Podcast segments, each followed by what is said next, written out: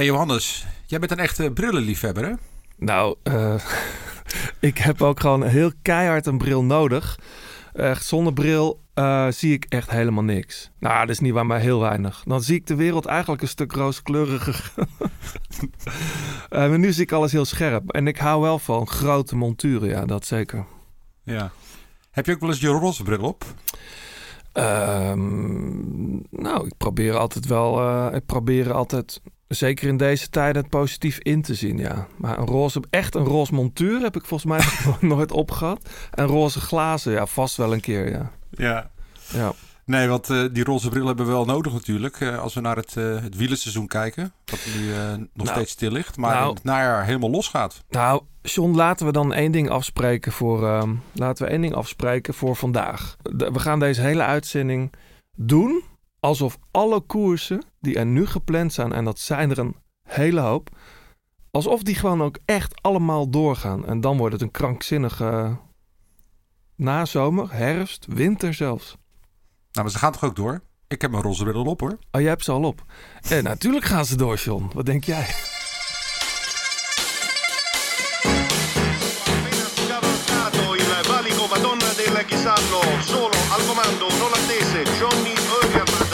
Dat is de liefde.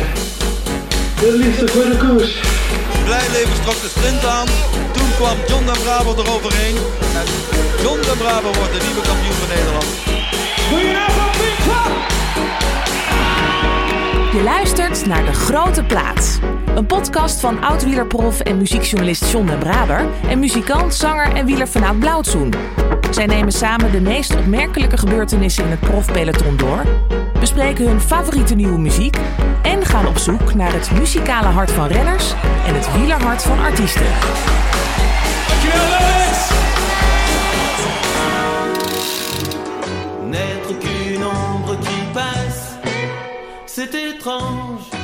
We zijn uh, nou, nog steeds niet herenigd. Het had misschien al wel gekund, John. Ik weet het niet, maar we praten, elkaar, we praten nog steeds via Skype met elkaar. Jij komt net van de fiets. Heb, heb je alleen gefietst of met... Uh... Ja, even snel rondje, want ik moest dat aan mijn fiets laten doen. Maar solo?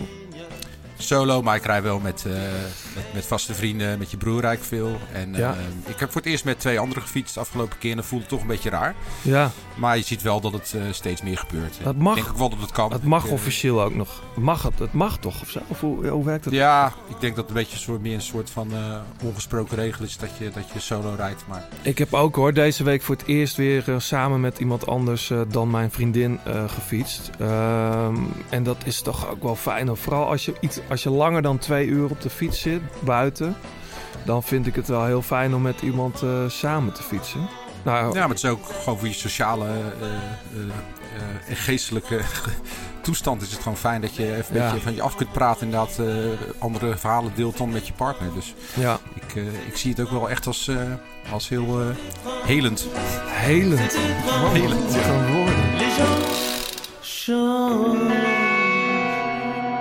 Hey, eh, we, we, spreken dus in alle opzichten nu over een uniek uh, wielerjaar. Maar muziekjaar, eigenlijk is het een. Dit is op alle vlakken een historisch jaar.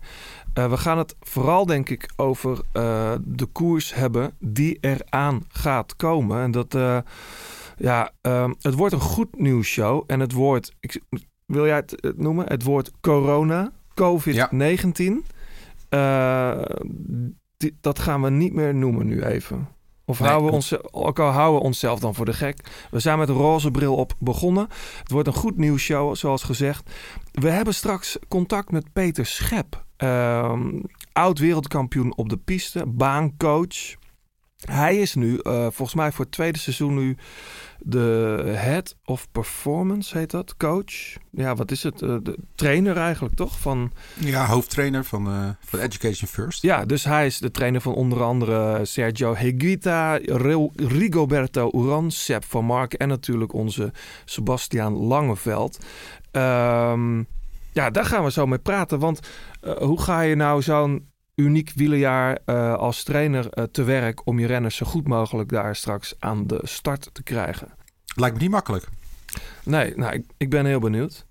Opvallend, John. Wat vond jij opvallend? Wat is je opgevallen deze weken? Want dit is, even voor de goede orde, uh, uh, episode 18, aflevering 18 alweer. We hebben binnenkort een jubileum. Ja. de 20ste.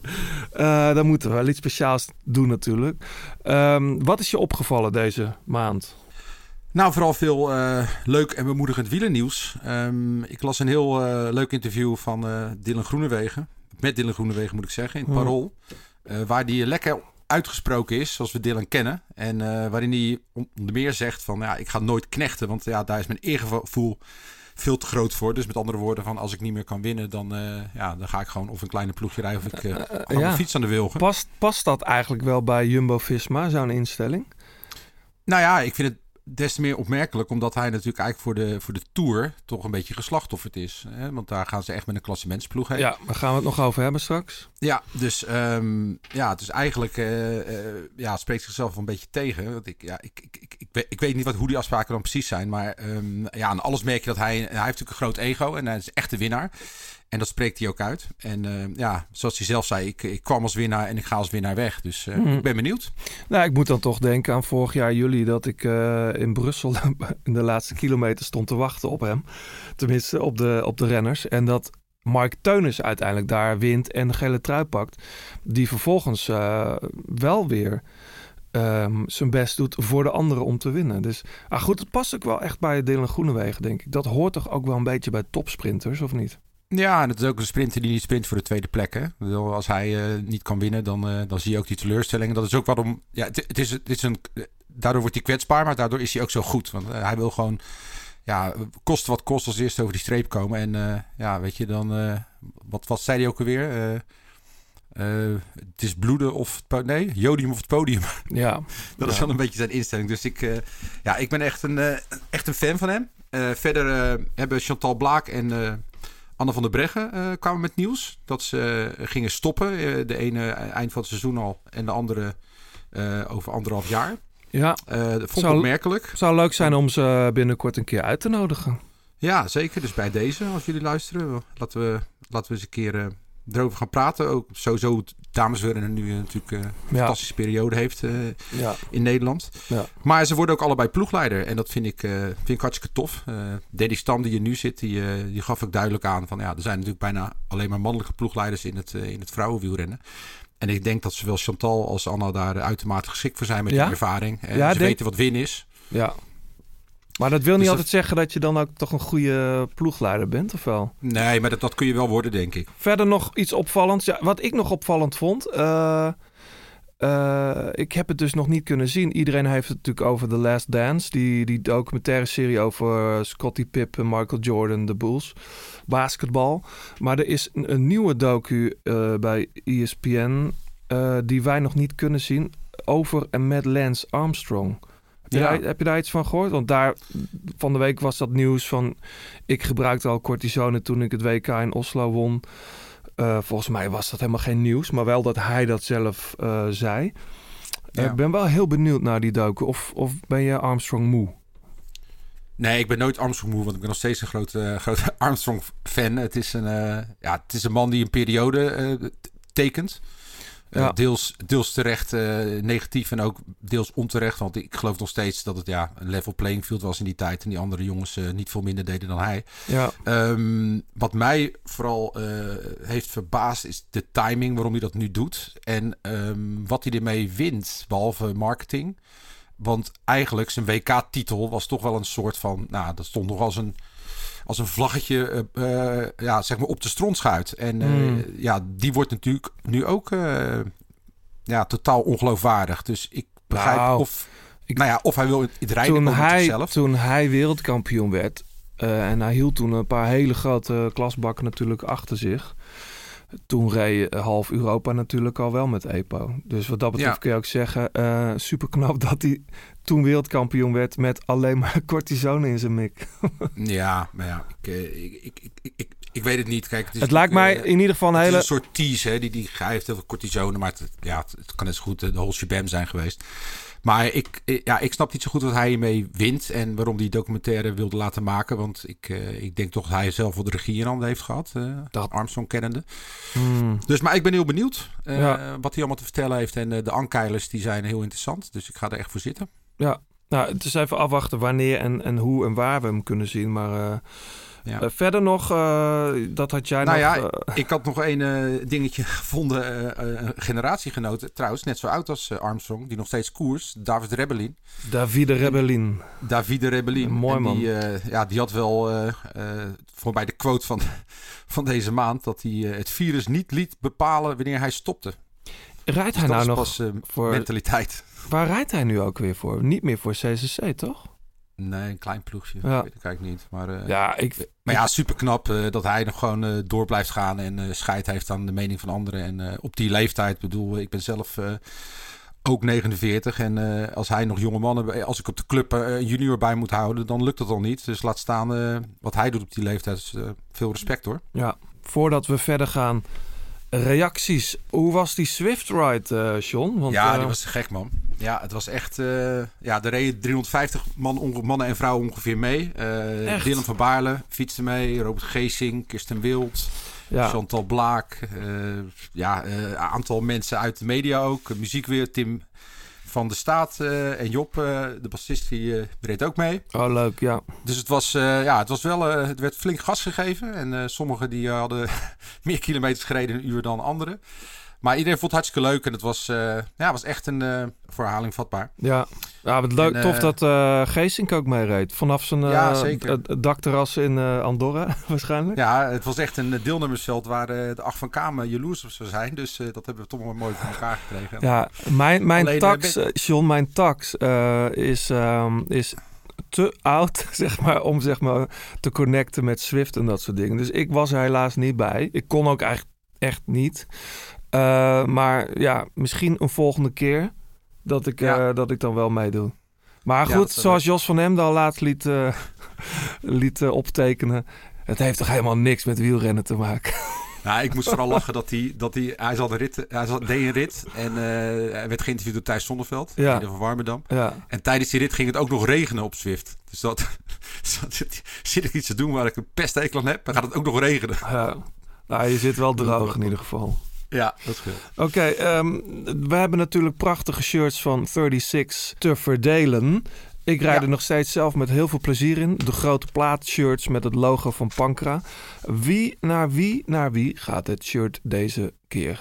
Nou, ik heb eh, een aantal mensen eh, uitgezocht die een leuke reactie hadden. Eh, Arjan van Zanten, die nodigde Dylan van Baarle uit om off-season een keer mee te gaan naar Feyenoord. Dus nou ja, die zal wel staan, want Dylan die is al een tijdje niet meer in de Kuip geweest, neem ik aan. Leuk. Eh Raymond Kool, die eh, reed de, Uber Pretzel. En eh, voor niet-Swift-kenners zoals jij, dat is een enorme lange rit met heel veel calls erin op Swift. En ehm, die moest heel erg lachen toen hij op een klim zat toen jij het over de pastoritering had. Ja, Dus nou, dat is... eh, nou, ik moest eh, daar, ik moest daar eh, deze week ook weer aan denken, omdat dat een jaar geleden is. Volgens mij eh, was het rond deze, rond deze dag dat ze, dat ze de pas zouden. Nee, dat ze de Mortirolo overgingen, inderdaad. Ja, ik zag dat in de Giro. socials voorbij komen. Mhm, Ja, ook in de, de grote plaatshirt trouwens. Hè? Het was niet echt dartelend omhoog, hè? Dat- Nee, ja, kom maar eens mee daarheen. hey, maar het shirt eh, die gaat naar eh, eh, Mr. Fugazi. Die heeft eh, ehm, in deze tijden van surrogaten, opvulling en leegte... is de grote plaat, blijft op niveau. Heerlijk keuvelen over echte mooie muziek. De historie van Campagnolo bijvoorbeeld, zoals met Alex van der Hulst afgelopen keer. De persoon Dylan van Balen en de, huidige, huidige verwaarlozing van het vrouwenwielrennen. Top gedaan, mannen. En hij vond zelf ook dat hij zo'n eh, shirt wel verdiende. Dat er dan in de omgeving van Utrecht eh, nog iemand met dat shirt rijdt. Naast jou, neem ik aan. Ja, En dat vinden wij ook wel. Dus eh Mr. Fugazi, stuur ons even een berichtje via de socials. En dan komt het shirt jouw kant op. precies. Want eh, als je dus tips of commentaar hebt en eh, er zit een leuk commentaar bij, mag ook echt heel negatief commentaar zijn, lijkt me ook wel vet. Dan kan je natuurlijk ook gewoon een shirt krijgen. Eh, we laten het ons dus weten via Instagram of Apple Podcast of Twitter. Je weet ons vast te vinden. Straks gaan we uitgebreid over de Tour praten, over de grote rondes. Maar eerst eventjes de klassiekers die allemaal op hele gekke momenten gereden, wordt, eh, gereden worden. Ehm, ik zou nog even opnoemen wat er zo al aankomt. Dat is heel vreemd, vind ik, voor iedereen. 1 augustus staat de Strade Bianchi gepland. Dan, eh, dan krijg je dat. Dan krijg Mannen en vrouwen. voor mannen en dames, uiteraard. Ja, gelukkig wel. Dan krijg je een week later Milaan Sanremo. Dat is eh, iets sneller dan normaal. Daartussen zit trouwens nog de Ronde van Polen. Maar goed, laten we het eerst even over die klassiekers hebben. Dan eh, de echt grote klassiekers zijn dan even klaar. Er wordt nog wel in Londen gereden. En de Bretagne Classic hebben ze er nog tussen gepropt. Uh, even kijken. Dan wordt er nog in Canada gefietst. Maar de, zeg maar, de, de bekende voorjaarsklassiekers als er zijn Gent-Wevelgem, dwars door Vlaanderen, Ronde van Vlaanderen.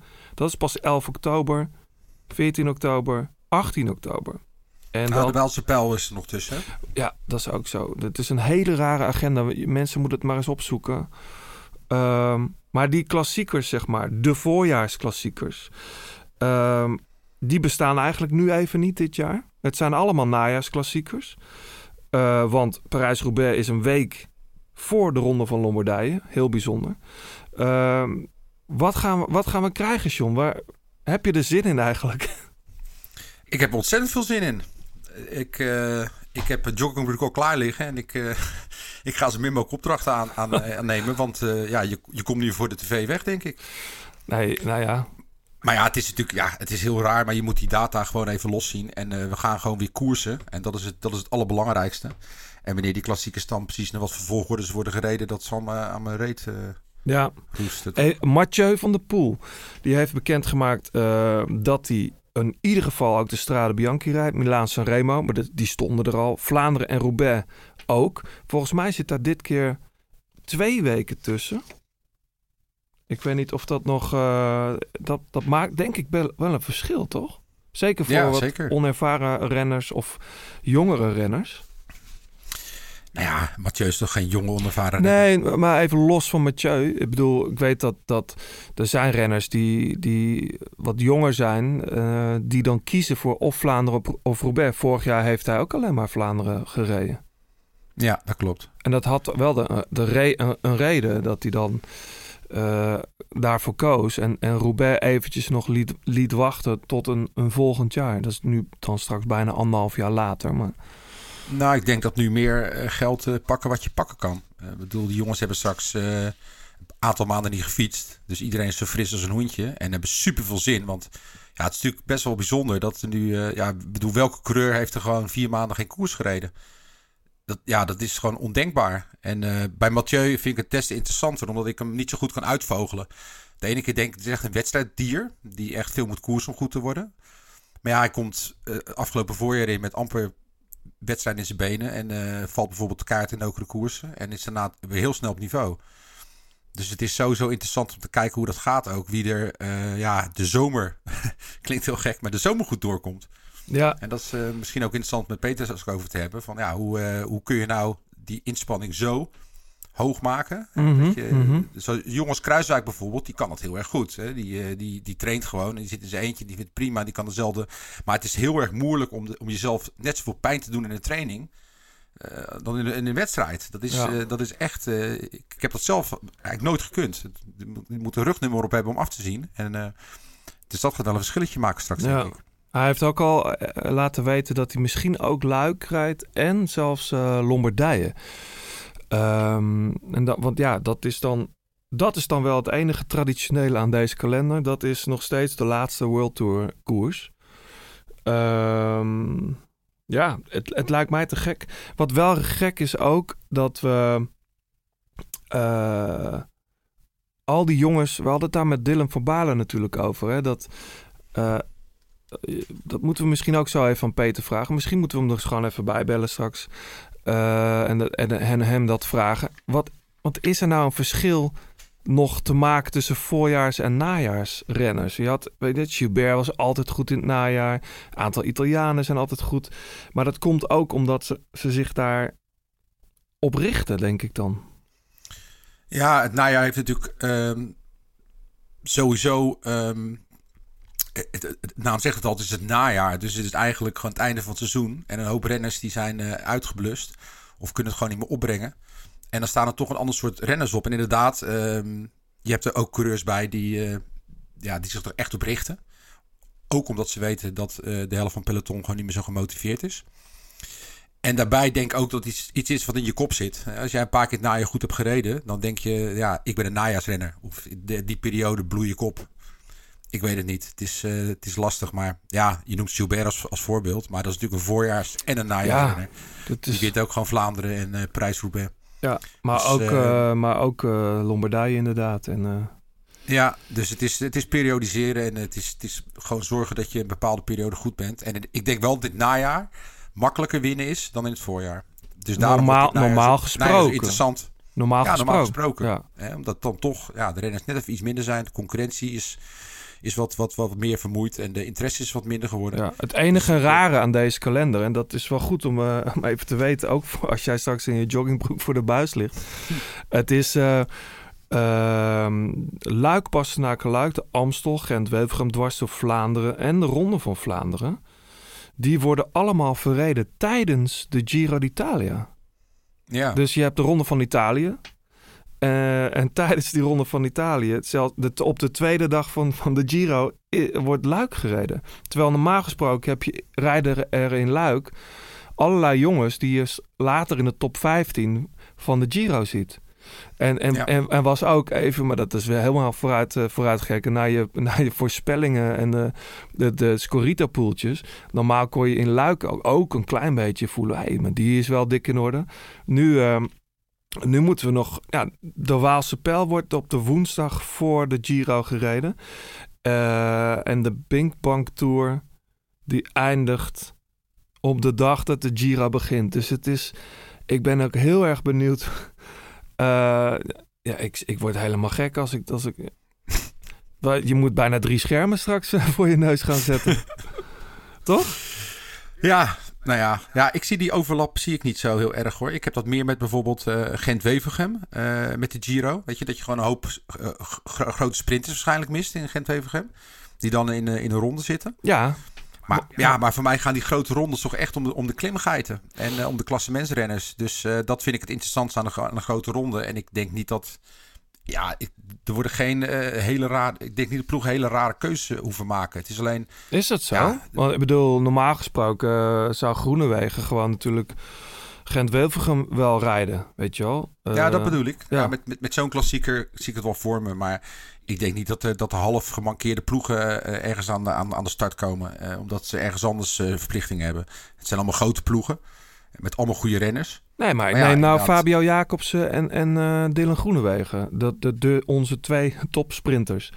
Ik denk toch dat die naar de Giro gaan. Ja, dus ja, dat die, die mis je dan in, en, en, al die koersen. Wat wel weer leuk is voor de, de, de, de, de, de sprinters die daar net onder zitten, onder dat niveau. Maar je kan ook zeggen, ik sla de Giro over en ik ga gewoon, uh, ik kom gewoon Gent-Wevelgem en dwars door Vlaanderen winnen, bewijzen van. Ja, nou dat is een keuze die ze, die ze moeten maken. En wat denk je dan? Wat, wat is, zou dan de motivatie zijn? Heeft een sponsor daar nog iets mee te maken? Nou, dat weet ik niet. Dylan, rijdt, Dylan rijdt op Bianchi. Dus uh, dat is misschien voor, voor de Giro d'Italia wel belangrijk. Dat ze daar op, op dat nou. celeste groene paar etappes pakken. Ja, kijk, het heeft ook met kansberekening te maken. Uh, Gent-Wevergem uh, of zeven, acht keer kunnen winnen.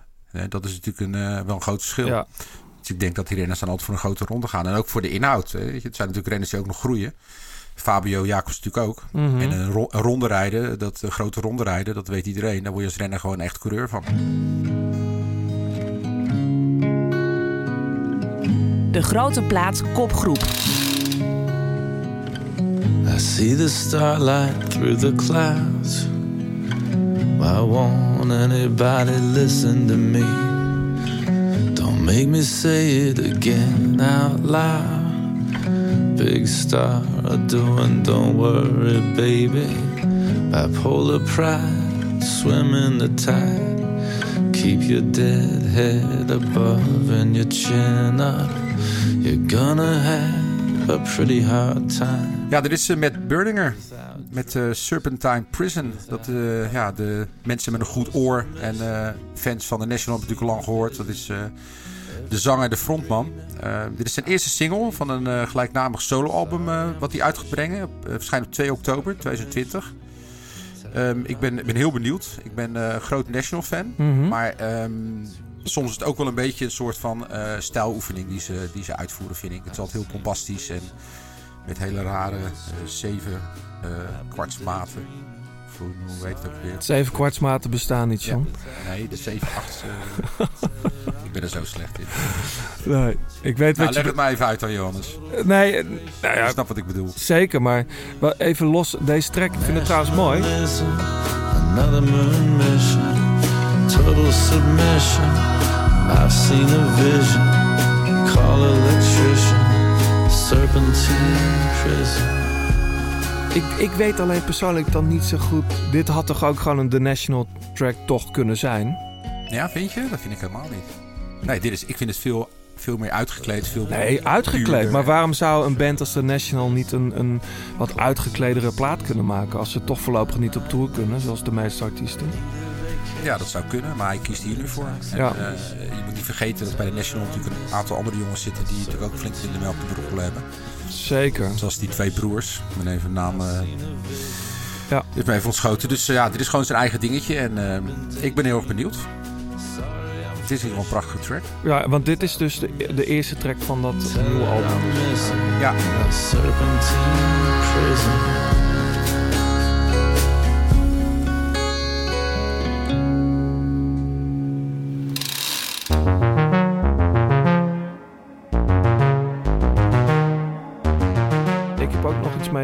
Dat heet, eh, ja, dat ken je ook wel, Zola Blood.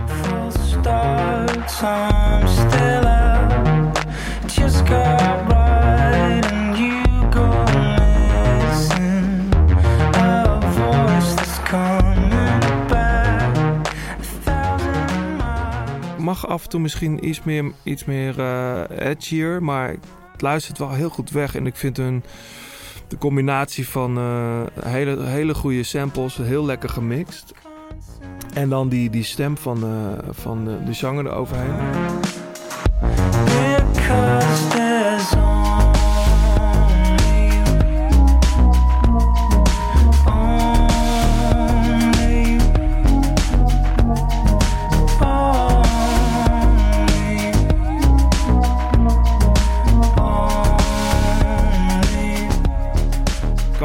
Waarderen. Ik moet wel zeggen, John, ik had deze keer echt moeite met eh, het selecteren voor de grote plaat. Want er is zoveel moois uit.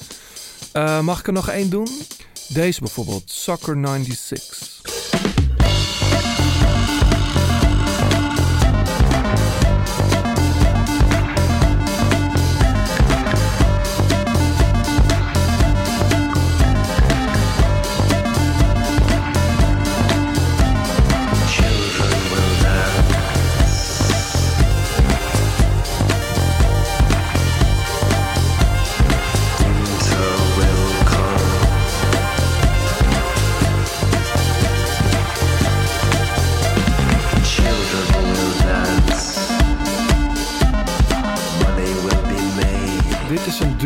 Uit eh, Londen.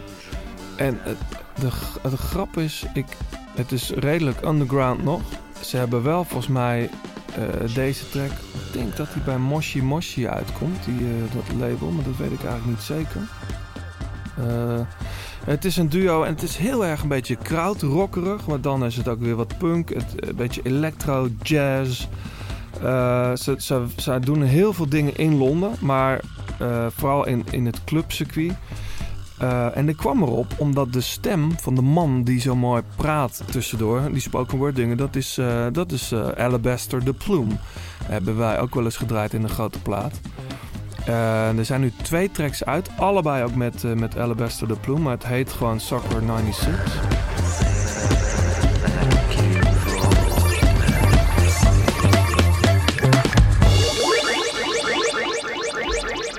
Kan hier heel erg van genieten. Is, eh, je moet het maar eens checken. Er zijn nu twee nieuwe tracks uit.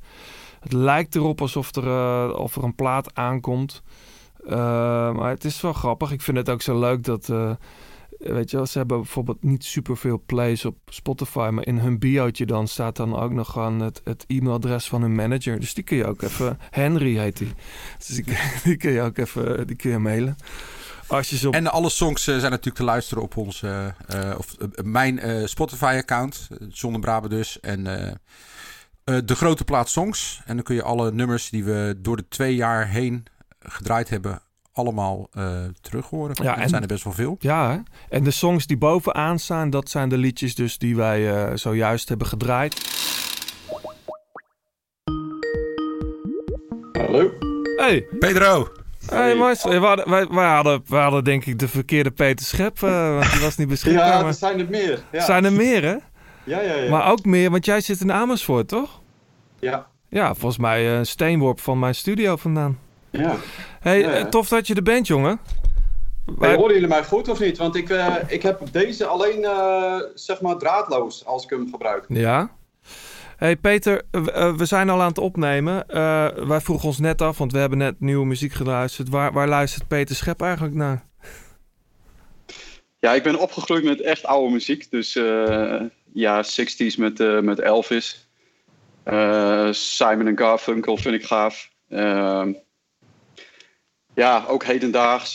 Ja, en ook een van mijn favorieten is Smashing Pumpkins. Die heb ik Oh, grijs gedraaid vroeger. Ja, man. Hey, want eh John, even voor de mensen die Peter niet kennen. Kun jij Peter eens introduceren bij onze luisteraars?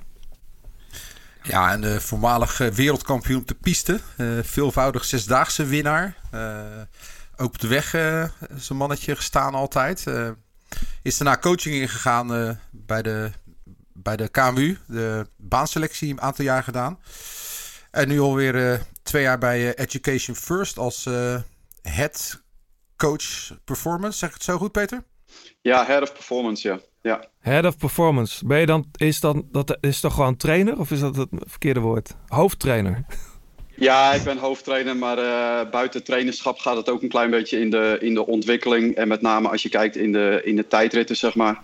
Ja. Daar komt toch iets eh, specifieks bij kijken en eh, daar richt ik mij vooral op. Ja, het was ons echt al eh, wel opgevallen vorig jaar al. Het was je eerste jaar vorig jaar bij, bij IF. Ja. Dat iedereen heel goed in orde was. Nou, we hebben best mooie tijdritresultaten gehaald. Ehm, het leuke ervan is dat het natuurlijk om, eh, om details gaat. Ehm, kijk, eh, je rijdt geen tijdritten top 10 zonder dat je heel hard kan trappen. Dus vooropgesteld, wij hebben echt eh, goede renners die daar top 10 eh, kunnen rijden. Mhm. Maar net de verschillen, eh, ja, dat zijn, eh, dat zijn natuurlijk de podiumplekken. Die paar seconden die je kunt maken door middel van testen, strategieën, dat soort dingen. Ehm, ja, dat is eh, een leuke eer van dit werk, zeg maar. En ook eh, de materiaalontwikkeling die wij in samenwerking met onze materiaalpartners eh, hebben doorgemaakt. Dat is heel positief. Maar we- dan Was heb je het over de fietsen of, of, of meer. Ja, fietsen, sturen, banden, van alles. Ja, je probeert natuurlijk overal, eh, net als Formule 1, eh, probeer je natuurlijk ergens weer een detail te verbeteren elke keer. Was die, eh, die overwinning van Betty Jol in de Tirreno, was, was dat een verrassing voor jou? Was dat, is, dat, is dat een resultaat van, de, van hoe jullie daar aan gewerkt hebben? Ehm, nou, eh, kijk, Betty Jol wordt al vaker al, eh, door mensen gezegd als, een- als een soort van eendagsvlieg. Of als die kort rijdt, dat het een verrassing is. Ja, Eh, die jongen die heeft ongelooflijk veel eh, potentieel in zich. En ook eh, bij de onder 23 heeft hij al hele goede tijdritten laten zien. Dus voor mij absoluut geen, eh, eh, geen verrassing. En ja, het grappige met Betty Jol, we gingen toen aerotesten doen. En toen had ik allemaal netjes blokjes gemaakt vorig jaar op Mallorca op de baan. En eh Betty Jol die was klaar. En daarna kwam eh, Oeran, dat was toch onze kopman natuurlijk. Dus Mhm. ik wilde vrij baan hebben voor Oeran. Maar het mooie was dat Betty Jol zo ongelooflijk fanatiek was... dat hij de, de rest van de tijd, ook tijdens Rigo's en baantijd... gewoon daar rond bleef hangen. En dan, Peter, ik wil nog een keer. Peter, ik wil nog een keer. Denk je dat dit sneller is? En ja, ik vond het wel ongelooflijk mooi om te zien dat hij zo gedreven was. En uiteindelijk eh, komt dat er wel uit. maar wat, wat is er bij Bettiol dan veranderd? Want hij was, het was bekend ook dat hij, hij, hij, hij eh, was niet zo fanatiek daarvoor. Dus heeft dat dan met jou te maken? Hij stond ook, hij stond ook iets te dik volgens de meeste renners om hem heen. Nou, nee, dat heeft absoluut niet, eh, niet met mij te maken. Ik denk dat het meer de leeftijd is dat hij gewoon eh, ja, volwassen geworden is. En eh, ja, gewoon weet wat hij wil. Ik bedoel, die jongen die heeft bij BMC gezeten. Daar zaten natuurlijk wat, wat jongens om hem heen. waar hij misschien op dat moment nog tegenop keek. En ik heb het idee dat hij bij ons echt wel zijn plek heeft gevonden. En dat hij echt voelt dat hij het leiderschap in die klassiekers wel, wel aan kan. Samen met, eh, met jongens als Sepp en, eh, en Sebastian. En dat, dat doet hij ongelooflijk goed. Ja, want even voor de helderheid. Hè. Hoeveel zijn al die renners van IF, die heb jij dan onder je hoede? Of bemoei jij je met sommige renners meer dan met anderen? Want, Nee, ik, eh, ik ben als hoofdtrainer zeg maar, verantwoordelijk voor de overal eh, planningen. Dus ik heb contact met de andere trainers die, eh, die met een deel van onze renners werken. En ik heb er zelf maar vijf onder mij. Je kan geen eh 30 renners trainen, gelukkig. nee. Eh, dus we verdelen de aandacht. En uiteindelijk eh, heb ik de overal eh, planning, zeg maar. Maar eh, eh, vijf jongens waarmee ik echt dagelijks eh, de planningen moet, eh, moet doornemen en verzorgen. Wie zijn dat? Eh, Hofland, Mhm. Van den Berg, Julius. Kort Nielsen. Ja. Ja. Julius is gisteren vader geworden. Dat is een leuk, eh, Oh, leuk feitje binnen onze ploeg. Ja. Ja. ja. Dus eh, nog een voordeel van de coronatijd. Eh Kort Nielsen, Halversen. Eh Ja. Halversen is oud eh, U23 wereldkampioen Ja, man. uit Noorwegen. Wat een talent is dat, hè? Ja. En Sepp van Marken is de vijfde die ik heb. Dus ja, interessante renners. Ja, Ja. wij zijn de, deze uitzending begonnen met, het, met, het, met een roze bril op. In die zin dat wij er voor het gemak even van uitgaan dat al die koersen die straks eh, die nu gepland zijn, dat ze doorgaan. En dat we dus een krankzinnig maar heel mooi najaar tegemoet gaan. Dat, daar moet jij inmiddels ook van uitgaan als jij werkt met, eh, met, met die renners, toch? Ja, dat blijkt, eh, dat blijkt ook heel moeilijk te zijn natuurlijk. Omdat de afgelopen tijd ja, iedereen wel heel erg realistisch geworden is. En, en zegt van oké, we weten niet exact wat het eerste doel is natuurlijk. Maar uiteindelijk komt er een, eh, een alternatieve kalender. En moet je, moet je daar wel van uitgaan. Aan de andere kant, eh, bijvoorbeeld Londen is er weer tussenuit gevallen. Ja, dat was ook bijna niet te doen. Als je weet dat wij naar Londen moeten, twee weken in quarantaine voor een eendagskoers. En je moet, eh, die je eh, moet een Prudential eh, Classic bedoel je? ja, ja. ja. Ja, dat is natuurlijk een voorbeeld van eh, ja, een onmogelijkheid. Ehm, en, en zo zal het misschien nog een keer gebeuren met een wedstrijd. Maar ja, ergens moet je zeg maar, de logistiek ook weer opstarten. En de medische protocollen uitrollen eh, samen met onze dokters. Om te kijken hoe je die koersen gaat voorbereiden. Ja. Ja, en plus dat er een aantal klassiekers zijn die gewoon tijdens een grote ronde worden verreden. Dus bemoei jij je dan ook met, de, met, het, met, die pra- met, de, met wie rijdt waar of, of dat soort dingen? Of? Nou, wij hebben een, eh, een hoofd van de, van de ploegleiders, Charlie Wegelius. Eh, daar werk ik veel mee samen. En het is vooral eh, zijn stem, zeg maar, die, eh, die de opstellingen maakt. Maar hij doet het vooral met de input eh, vanuit de trainingstechnische kant die ik hem geef. Ja. En ja, daar brainstormen wij gewoon over om te kijken van waar zien wij de meeste kansen en welke, welke capaciteiten hebben we bijvoorbeeld van, van renners nodig die kunnen bijdragen. Hè? Dus die, die een rol kunnen spelen voor, voor een bepaalde kopman in een koers. Ehm, en, en, en dat vind ik ook leuk. Ik bedoel, ik, eh, ik voel me niet geroepen om echt een opstelling te maken. Maar ik vind het super tof als ik een specifieke vraag krijg van, van Charlie. Die zegt van joh, ik heb zo en zo rennen nodig. Eh, wat denk je, wie kunnen we kiezen? Ja. Dus eh, daar, daar ligt een beetje mijn rol. Ja, wat ik zeg, ik vind dat echt heel mooi om te doen. Ehm, maar het is ook wel duidelijk dat er nu eigenlijk met die grote rondes die soms tegelijkertijd plaatsvinden. En de klassiekers, dat je eigenlijk een, eh, een, een splitsing hebt in vier verschillende groepen. Dus je gaat jongens eh, eh, op de eendagskoersen richten. Mhm. En je gaat met die andere jongens ga je de grote rondes verdelen. Ja. Dus, ja, en, en dan verwacht ik dat er een hele kleine kans is van jongens die, die zowel de Tour als de Vuelta kunnen en willen doen. Dus de Tour en Vuelta, dat is, dat, jij zegt dat is uitgesloten.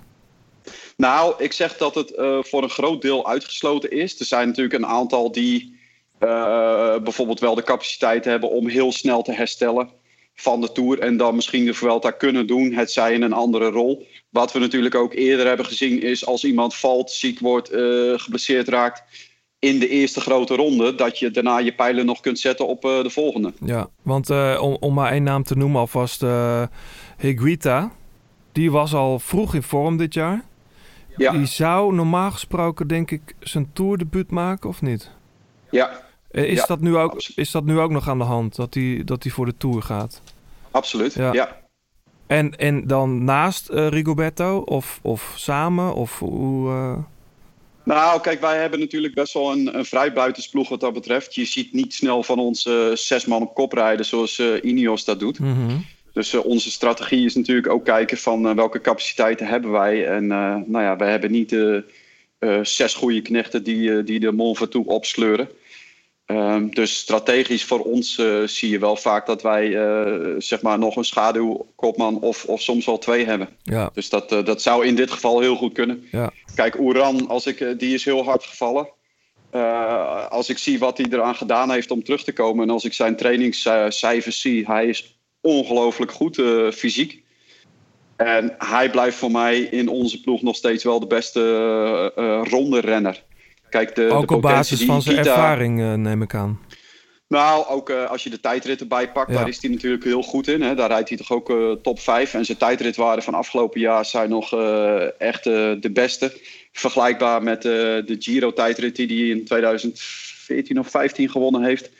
Dus ongelooflijk goed. En, en eh, zijn beroepsernst is, is echt bizar. Daar heb ik echt groot respect voor. Mhm. Ja, we hopen natuurlijk wel dat Ikita daar eh, zich aan op kan trekken. Want ja, die heeft natuurlijk in de Vuelta met die, met die ritoverwinning wel laten zien dat hij het in zich heeft. Ja, Johannes, mag ik even een stapje terug doen met Peter? Want eh, we hebben het nu al over die grote rondes. Maar ehm, je zit nu in een periode dat er niet gekoerst wordt. Eh, misschien licht vergelijkbaar met als het seizoen is afgelopen. Dan ga je weer naar een nieuw seizoen toewerken. Het najaar is nu eigenlijk het voorjaar. Of het voorjaar is eigenlijk het najaar, sorry. het Ehm, voorjaar is alles. dat- Het najaar en het voorjaar is alles in één. Ja, nou ja, je, je, je, je, gaat nu in ieder geval, je gaat in ieder geval toewerken naar, naar een, ja, gewoon een, een, een heel wielerseizoen. Eh, dat begint over een paar maanden. Is dat hetzelfde aanlooptraject als een normale winter? Of gaat het toch anders nu? Nee, je kunt dingen alleen vergelijken als de voorafgaande periode ook hetzelfde is geweest. En dat is natuurlijk niet. No- Normaal gesproken heb je ook eh, je mentale rust hard nodig eh, na een hard raceseizoen. Maar goed, ja, nu heb je dat niet. Dus op een gegeven moment hebben we de mentale drukte heel erg afgehaald. Door zeg maar 50% van de trainingsplanning gewoon vrij te geven. Dus ze mochten drie trainingen zelf doen en drie of vier heb ik gepland. Eh, gewoon om ze een beetje fris te houden. Dat als het straks begint, dat ze gewoon van, van begin tot eind eh, zeg maar kunnen knallen. Dat is ook een, een mentale factor natuurlijk die super belangrijk is daarin. Ehm, maar ik vind het niet vergelijkbaar, omdat eh, als ik het niveau zie van nu. terwijl we misschien nog wel 10, 12 weken voor de meeste jongens te gaan hebben voor de eerste koers, als alles mee zit. Mhm. Ja, die jongens staan er hartstikke goed voor. Dus normaal gesproken is, is november drie, vier weken lang. Is gewoon uurtjes maken. Terwijl nu, ja, eh, ik heb de meeste jongens gewoon binnen twee, drie weken koers klaar. Dus eh, het is niet helemaal vergelijkbaar. Word je beperkt nu om als trainer te werken? Of als, als hoofdcoach performance? Eh, nou ja, het is een uitzonderlijke situatie, maar ik zie er ook wel weer uitdagingen in. Want eh, ehm, ik, ik heb wel geleerd om heel erg naar de renners te luisteren, omdat sommige jongens heel erg vragen van, joh, geef me alsjeblieft de normale dingen, want zo ben ik het gewend, daar voel ik me goed bij. Een jongen als Sepp van Marken bijvoorbeeld, ja, die, eh, als ik die eh, twee keer in de week zeg maar een eigen invulling geef, waarbij ik denk dat hij er blij van wordt, dan zegt hij van, eh, ja, ja, ik, ik heb eigenlijk liever gewoon die opdrachten mee, want dan weet ik precies waar ik, waar ik mee bezig ben. Maar iemand anders, die vindt het heel fijn om, om een aantal weken gewoon die ruimte te krijgen. Dus nou ja, dat heb ik geleerd en dat is ook de uitdaging erin. Ik voel me daarin niet super beperkt. Ik vind dat ik, dat ik eh, zelf daar iets flexibeler in geworden ben en dat is ook goed. Maar normaal zou je misschien zeggen, jongen, eh, jongens, eh, jullie gaan alvast op hoogtestage, want we willen eind oktober of half oktober goed zijn. Dat ligt nu allemaal wat ingewikkelder. Of, of ligt iedereen nu in een zuurstoftent? Nee, sommigen wel. Ja. Ja, nee, Ja. ja. nee dat klopt. Ehm, maar er zijn er ook een aantal. de- die hebben natuurlijk geluk dat eh, de Colombianen zeg maar, thuis op hoogte wonen. Dus dat is heel fijn. Ja, dat kan nog een pech worden, hè? want eh, Colombia ja, ja. met 31 augustus dicht. Ja, maar dat gaan ze regelen.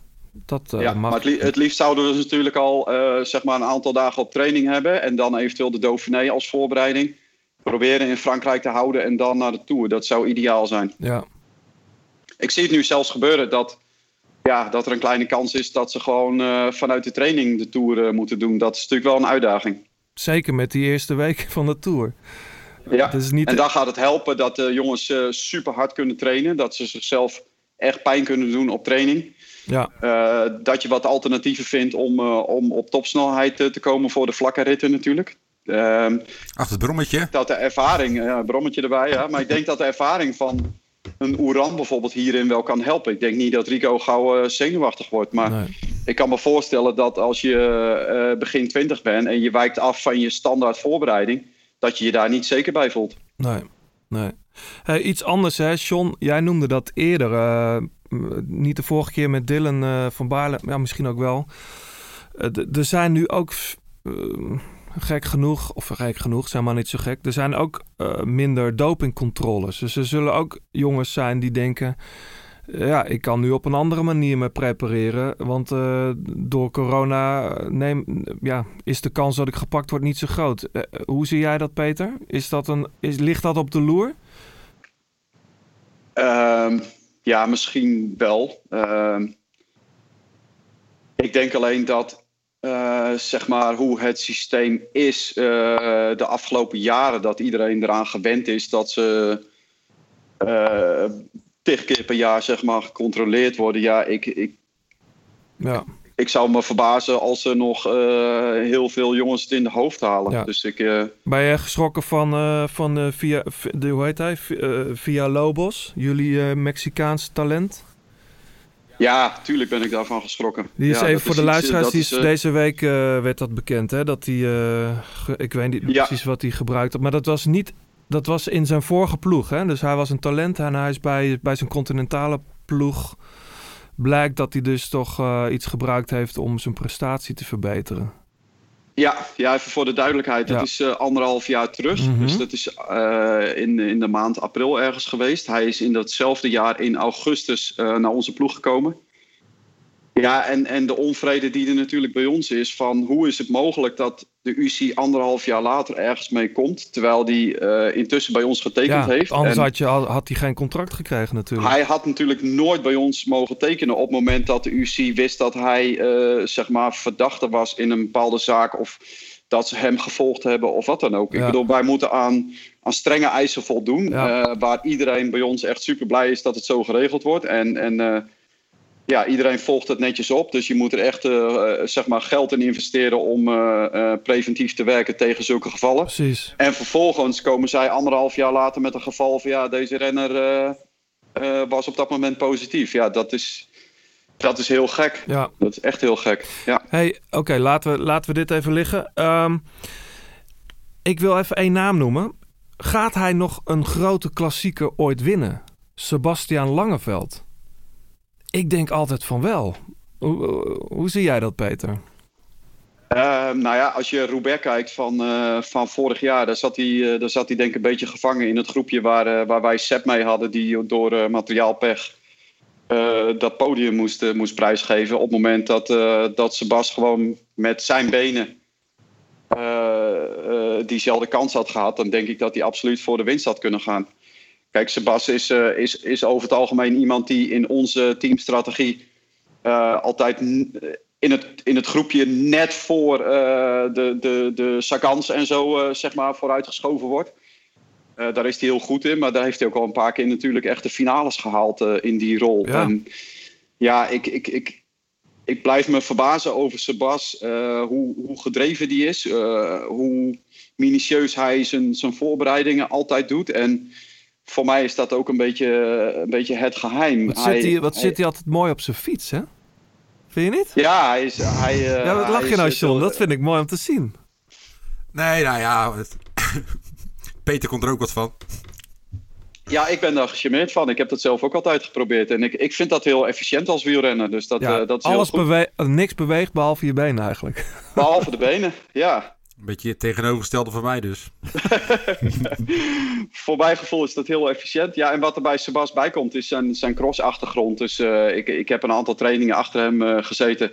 Als ze over de stenen gaan. Ja, als je ziet hoe, eh, hoe wendbaar hij is. En, en ja, dat is wel echt eh, ja, een, een voordeel natuurlijk. Hè. Dat zijn jongens die in, eh, in Roubaix absoluut een voordeel hebben. Dus Ja. ik, Ik, ik zie Ja, trouwens is- op de is- kalender, ik zei eerder John tegen jou, er zit twee weken tussen Vlaanderen en Roubaix, maar dat is gewoon nog klassiek, eh, nog steeds één week. Dus Ja, het gerucht is wel dat ze, dat ze eventueel bij een verschuiving van het WK Ja. eraan denken om, om volgens mij Roubaix of Vlaanderen naar voren te halen nog. dus dan komt er toch meer ruimte tussen die twee koersen. Dat- Ja, ik zou het zelf niet fijn vinden, Nee. omdat het eh, normaal gesproken Vlaanderen-Roubaix is natuurlijk binnen tien dagen is, is natuurlijk fantastisch om daar naartoe te werken. Ja. En anders, eh, als je eind september zo'n koers hebt, dan krijg je er eigenlijk eentje die een aantal weken voor de hele klassieke periode zou vallen. Ja, dat is, dat is plantechnisch niet heel prettig. Nee. Hey, maar Peter, geeft, geeft het nou ook een enorme druk op jullie organisatie en op de renners zelf? Want je gaat natuurlijk een hele korte tijd heel veel koers rijden, heel veel reizen. Eh, Dat Dat lijkt me ook... reizen eh, moet je juist beperken. Want Ja. eh, kijk, dat is natuurlijk wat corona met zich meebrengt. Dat je, Oh. eh, dat je protocollen moet bekijken die zeg maar eh, misschien tussen de zes en de tien renners ergens in, in, in België probeert te huisvesten in een veilige omgeving. Met een hele beperkte staf. Dat het eigenlijk een soort van klein dorpje is dat vanuit dezelfde plek telkens naar de wedstrijden gaat. En met zo min mogelijk andere mensen in contact komt. Mhm. Dus dat is de logistieke uitdaging. Maar dat klinkt wel het meest veilig om het op deze manier te doen. Ja. Ja. hey, en, en, en, en overbelasting en blessures, is dat ook iets wat mee kan gaan spelen als je zoveel koers in korte tijd? Of zijn de jongens dat wel gewend? Ik denk juist dat de afgelopen periode ervoor gezorgd heeft dat. eh, en dat is- gevaar zie ik niet bij de jongeren, maar bijvoorbeeld wel bij de ouderen. En we hebben het net over Sebastian gehad. Maar ik had als laatst ook een gesprek met Sebastian daarover. Die zei: Ja, ik koers al zo lang. Ehm, soms zou het natuurlijk best goed zijn dat je eens een keer denkt van. eh, misschien iets langer dan een winter. eh, zeg maar pauze te hebben. Dus komt dit misschien wel een keer goed uit om, eh, om gewoon echt eventjes voor langere tijd minder van die inspanningen te hebben. En misschien verlengt dat zijn carrière wel met twee jaar of drie Ah, jaar. dat, is wel in- wie- dat is wel een interessante gedachte, inderdaad. Ja, ik vond dat heel interessant en ik, ik ga daar ook wel heel erg in mee. Ik, ik geloof daar absoluut in. Maar je noemt, eh, we hebben het over Langeveld steeds. Eh, dat is voor ons natuurlijk een, een voorjaarsrenner. Ik had er net, we hadden het er net over, John en ik. Dat hele idee van een voorjaarsrenner zijn of een najaarsspecialist. bestaat dat eigenlijk echt wel? Want nu wordt alles in het najaar gehouden. eh, maar het hele seizoen begint eigenlijk pas in augustus. Dus S- Sebastiaan, kan die in oktober zeg maar zijn top halen. Als hij dat normaal nog nooit heeft gedaan in oktober. Nou ja, wat het voorjaar kenmerkt is dat je, dat je kort na een winterperiode, dus na een wintertrainingsblok, eh, zeg maar moet presteren. Eh, waarbij het klimaat meestal nog eh, vrij slecht is. Als je Nederland-België bekijkt, dus kou en regen. Mhm. Ja, ehm, eh, daar zijn die jongens goed in. Dat geldt ook voor, voor Seb en, en voor Bettiol, die jongens. En ja, ik ga ervan uit dat dat in oktober weer zo kan zijn. Ik bedoel, we hebben nu een lekker zonnetje, maar ik, eh, ik hoop eigenlijk voor die jongens en die jongens met mij, die, eh, die dromen er al van dat we een uh, zeiknatte Roubaix Ja, krijgen. de, eigenlijk krijgen we dus nu een ouderwets voorjaar met heel veel regen. en, eh, en. Ja, toch? Ja. Ja, ja, maar ik denk, ik denk dat dat wel realistisch is. Ja, zeker. Hey, ehm, we noemden net al Higuita eventjes, eh, die zich waarschijnlijk dus gaat focussen op de Tour. Hoe is het, hoe is het met Michael Woods eigenlijk? Die, eh, die is hard gevallen in Parijs-Nice, dacht ik, hè? Dijbeen gebroken. Ja, ja. Die is heel druk met, eh, met de revalidatie geweest. En die, die fietst al best wel op, op niveau weer. Ehm, hij is een jongen die uit de atletiek komt. Dat, ja, mm, sommige mensen weten dat misschien wel. Maar ik, ik heb het idee dat hij ehm, eh, niet terugdeinst voor een, een, een best wel heftige revalidatie. Ik heb het idee dat vanuit zijn achtergrond... dat, eh, dat als ze zeggen, joh, je moet dit doen als alternatieve training... Waarbij ik sommige wielrenners wel ken die het heel moeilijk vinden om, om alternatieve dingen te doen. Maar nou, waar, moet, je, dat waar hij- moet ik dan aan denken? Zwemmen of zo? Ja, Of, gewoon therapie. Ja. Hè? Dus, eh, dus eh, of, het, of het zwemmen is of eh, ja, droogtraining, eh, gewoon oefeningen doen. Ja, dat zijn niet de leukste periodes. Dat je, dat je urenlang per dag bezig bent zonder dat je een trap op een fiets doet. Ja, dat is voor een wielrenner nooit echt prettig. Nee. En eh, als ik hem bezig zie, dan, eh, dan denk ik dat hij ja, met een hele frisse mindset dat, eh, dat heeft gedaan. En eh, ja, ik zie al best wel goede trainingen van hem voorbij komen. Kunnen, we, kunnen we hem alweer verwachten in de wedstrijden? Ergens. Ja, zeker. Ja, zeker. Hm. Ja, ik had gehoopt dat... eh, kijk, Mike is echt zo'n WK-renner. Hè? Dat heeft hij natuurlijk al een keer laten zien. Ja. Alleen als het nu niet in, eh, in Zwitserland gehouden wordt, maar we gaan de woestijn in. ja, dan verwacht ik niet dat, eh, dat Mike Woods van voren zit. Of dat hij misschien überhaupt. eh, is dat, is dat niet- een optie, de woestijn? Nou, dat heb ik even gemist. Ja, dat, eh, dat is een optie. ja. November, eh, ze spreken over november. Want ik bedoel, alles zit natuurlijk Ja. propvol. Dus op het moment dat je het weghaalt uit die periode. Ja. ehm, en dan geef je ook iemand nog de tijd om het te organiseren. Is, is, eh, Ja. ja, is, eh, is dat wel eh, genoemd als optie inderdaad. Oké, ja. ja. Ja. Ehm, nog, nog één talent die ik... Daar, ben- ik ben zo gecharmeerd van hem. Eh Hugh Carthy. Ehm, wat, we- weet je wat hij gaat doen? Hij zou oorspronkelijk de Giro rijden. Is dat nog steeds eh, zijn hoofddoel? Ja, dat verwacht ik wel. Want hij heeft natuurlijk vorig jaar eh, ongelooflijk veel moraal eruit gehaald. Ehm, als je ook ziet dat hij eh, de koninginrit in, in Zwitserland... Dat was, eigenlijk, dat was echt een van de mooiste dagen van vorig jaar voor hem. Mhm. Ja, als je ziet hoe die, hoe die gegroeid is, zeg maar. En dat die... Ik heb dat verhaal nog teruggehoord van onze ploegleider. Die zei, toen hij in de vroege kopgroep kwam van die koninginnenrit in Zwitserland... eh, de laatste rit, van... Ja, doe maar rustig aan. Hè. Er komen, na deze klim komen er nog twee van die klimmen. En hij voelde eigenlijk dat hij beter was dan de jongens. Mm. En eh, ondanks dat eh, bericht van de ploegleider pakte hij gewoon zijn eigen tempo. Hij rijdt in zijn eentje naar de eerste top. En eh, vervolgens doet hij nog twee dezelfde inspanningen. En eh, hij wint de koninginnenrit. Ja, dat, dat vertrouwen is gewoon puur in, eh, in het goede resultaat van de Giro terug te vinden. Ja. En dat is wel heel gaaf. En je kunt je voorstellen als hij natuurlijk met de Colombianen meegaat naar de Tour... dat zijn rol heel anders is dan dat hij naar de Giro gaat. Ja. ja. Hij was trouwens ook al goed in het voorjaar. Want volgens mij die, eh, die, eh, die nieuwe koers, of nieuw, die eh, Tour de Provence met die Van Toe. Daar zat hij toch, reed hij top 5 denk ik, of niet? Achter Quintana. Hij heeft, hij heeft een, eh, wat ik me herinner, heeft hij een heel, eh, hele tijd op kop zitten sleuren. Precies. En eh, hij was, eh, was een goede doen, ja, dat Ja. klopt. Ja. Hey Peter, heb jij voor het najaar nog een, nog een tippie voor ons, voor de Scorito? en uh, rennen bij jullie in de ploeg die, eh, waarvan we het niet echt verwachten, die, eh, die door gaat breken? Eh, poeh. Die, die Halversen natuurlijk. Ja, die doorgebreken.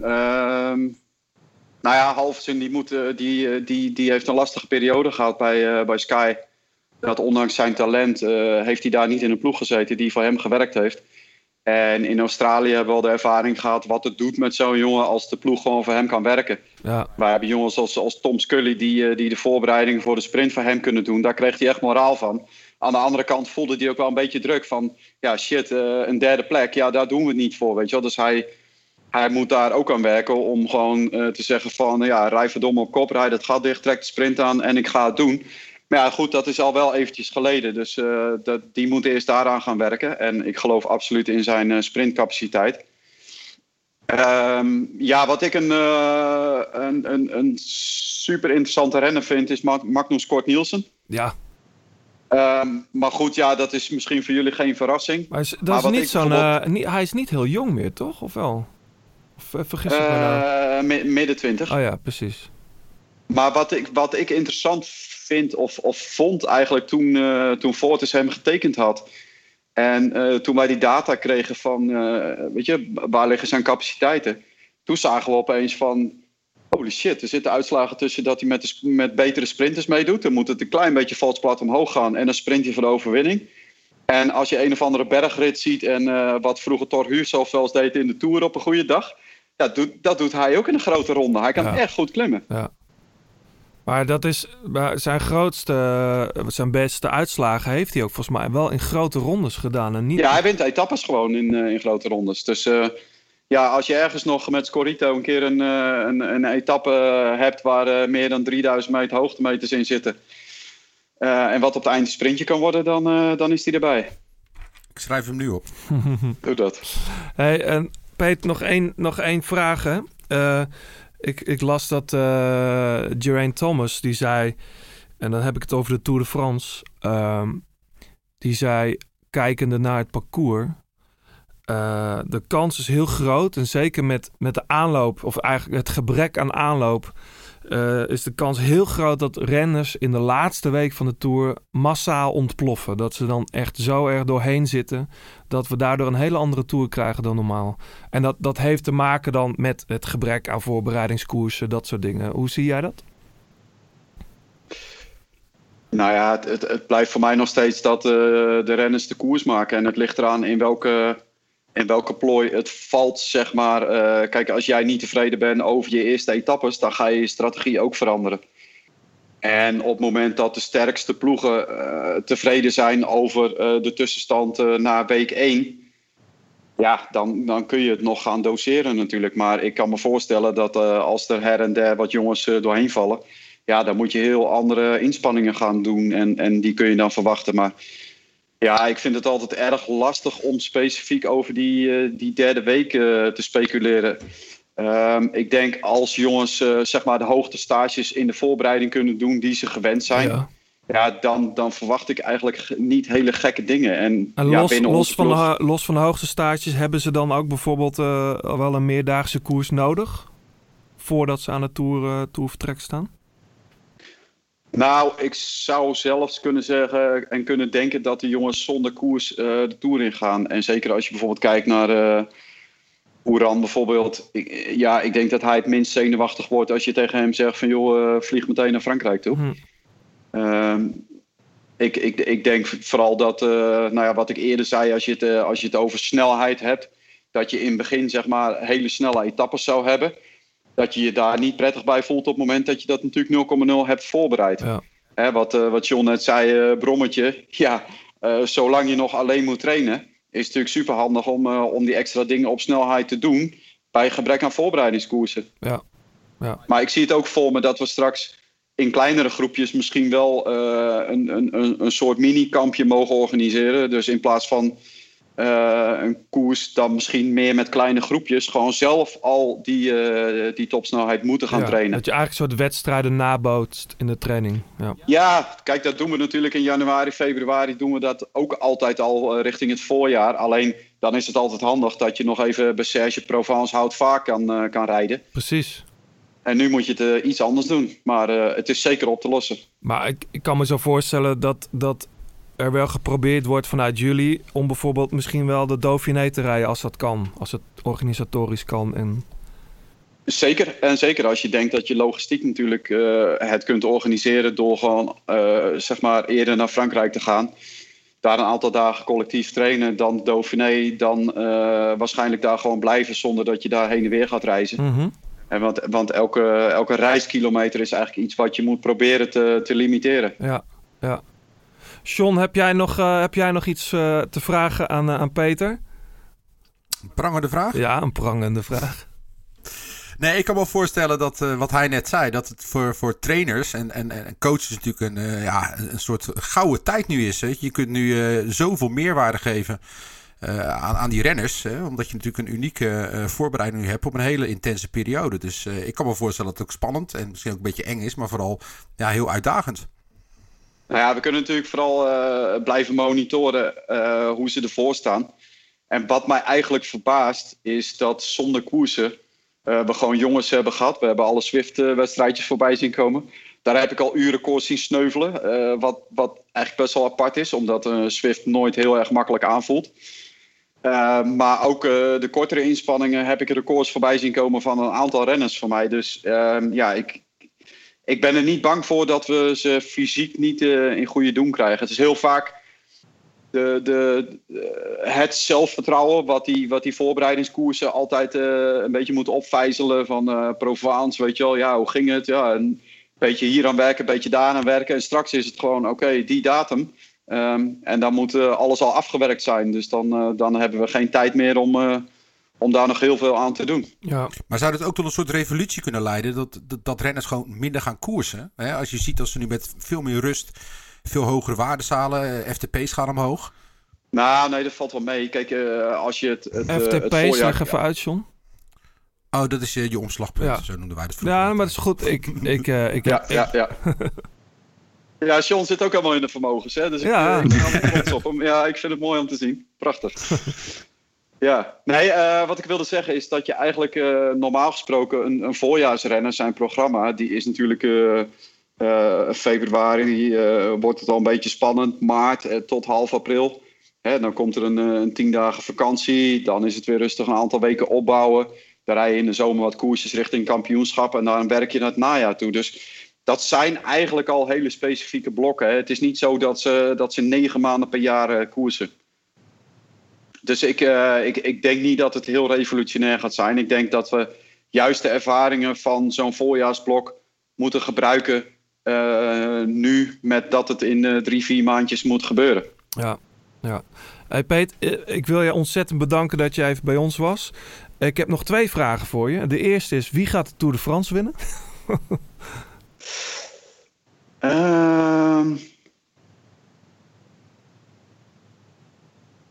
Roglic?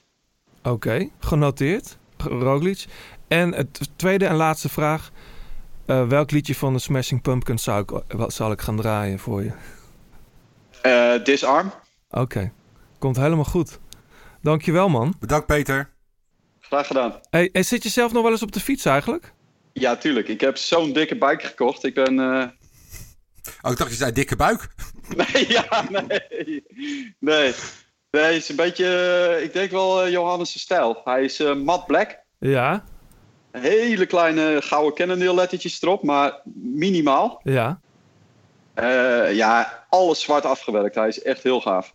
Te gek, Ja. te gek. En dan is Ja. het in het, in het Utrechtse, waar, waar fiets je dan gewoon de Treek of de Heuvelrug? Of...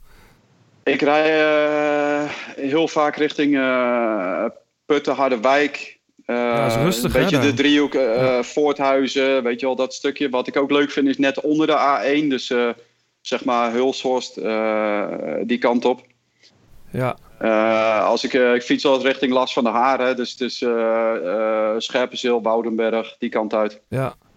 Ik had met Annemiek nog een tijdrittestjes had ik, van de week gedaan. Had ik, ben ik nog een stukje met haar wezen fietsen. Ja, want heb je, bemoei jij je nog met, eh, met Annemiek? Of, of is het puur... Nou ja, ik, ik- kijk, ik, ma ik mag natuurlijk geen eh, concurrerende dingen doen. Maar in het dameswielrennen vind ik het wel leuk als... eh, ja, ik heb ook met haar gewerkt op de baan en ik heb nog steeds goed contact met haar. Dus als ik ergens eh, soms mee kan helpen, dan eh, doe ik dat graag. Dus eh, toevallig hebben we tussen Amersfoort en eh, tussen Nieuwland en Bunschoten... hebben we nog een paar eh tijdrittestjes gedaan eh Oh. eergisteren. Oh ja? Had ik dat Ja. geweten? Dat is die kaarsrechte... dat is die, die, die parallelweg, die kaarsrechte weg. ja, Ja, dan kun je mooi eh, testen, ja. Ja, Laat de mensen maar niet weten, want dan krijg je datzelfde probleem als met Groenewegen bij de Stichtse Brug. Ja, inderdaad. Nou, daar ben ik gisteren nog geweest. Dat rondje rijd ik ook vaak. Oh ja, heel goed. En dan zo over eh, de brug bij Nijkerk en dan zo door de polder terug. Lekker man, lekker. Ja, Ik ga Smashing Pumpkins voor je draaien. cool. Tot later. Dankjewel. Hoi. Hoi. Hoi.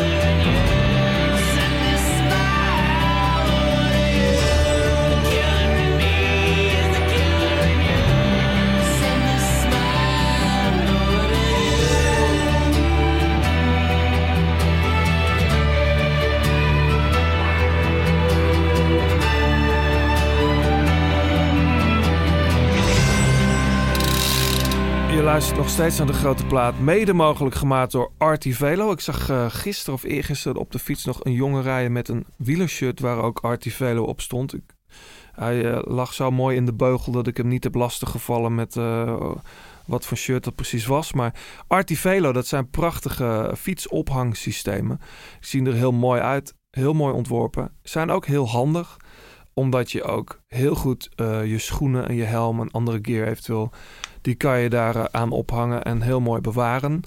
artivelo.com slash Nederlands. En dan kom je op hun site, kun je zien wat voor prachtige bike dogs zij maken. Het podium van de grote plaats. We hebben natuurlijk bij gebrek aan koersen eh, al eh, veel eh, boeken besproken. En films en documentaires, wielerfilms. En we willen toch nog eventjes terug naar een iets ander podium. Iets alternatiever podium. Er is, er is, namelijk, ehm, er is namelijk een heel mooi nieuw boek uit. Eh, en dat heet Joop Zoetemelk Ongezien. Ik heb, het, ik heb het hier voor me. Jij ook, John, als het goed is. Mhm. Ehm, het is namelijk, en dat, dat, dat, hebben we al, dat hebben we het al eerder over gehad, 40 jaar geleden dat, eh, dat Joop Zoetemelk de Tour won. Er zou ook een theatertour plaatsvinden. Eh, maar dat is, die is verplaatst. Nou, ja, vol- naar volgend jaar hè. dat begreep ik ook. Ehm, Tour van 80 heet die trouwens. de theatertour heet de Tour van 80 inderdaad. En het boek heet Ongezien. En het is ook, eh, ik heb het voor me, ik heb er vanochtend nog even doorheen zitten bladeren. Het is eh, een boek wat opgehangen is natuurlijk aan die Tour van 80. Maar ook een klein beetje gaat over hoe Joop er daar zo gekomen is. Eh, ik moest nog denken aan vorig jaar, eh, John, toen wij met eh, Guus Meeuwers hadden over de Tour. Ehm, en het ging toen ook veel over de Tour van 80. Ehm, heel mooi boek, hele mooie foto's. Ook foto's die ik echt nog nooit gezien had. Ik weet niet of dat aan mij ligt Ja. of dat het dan... eh, en, eh, het boek ook ongezien, hè?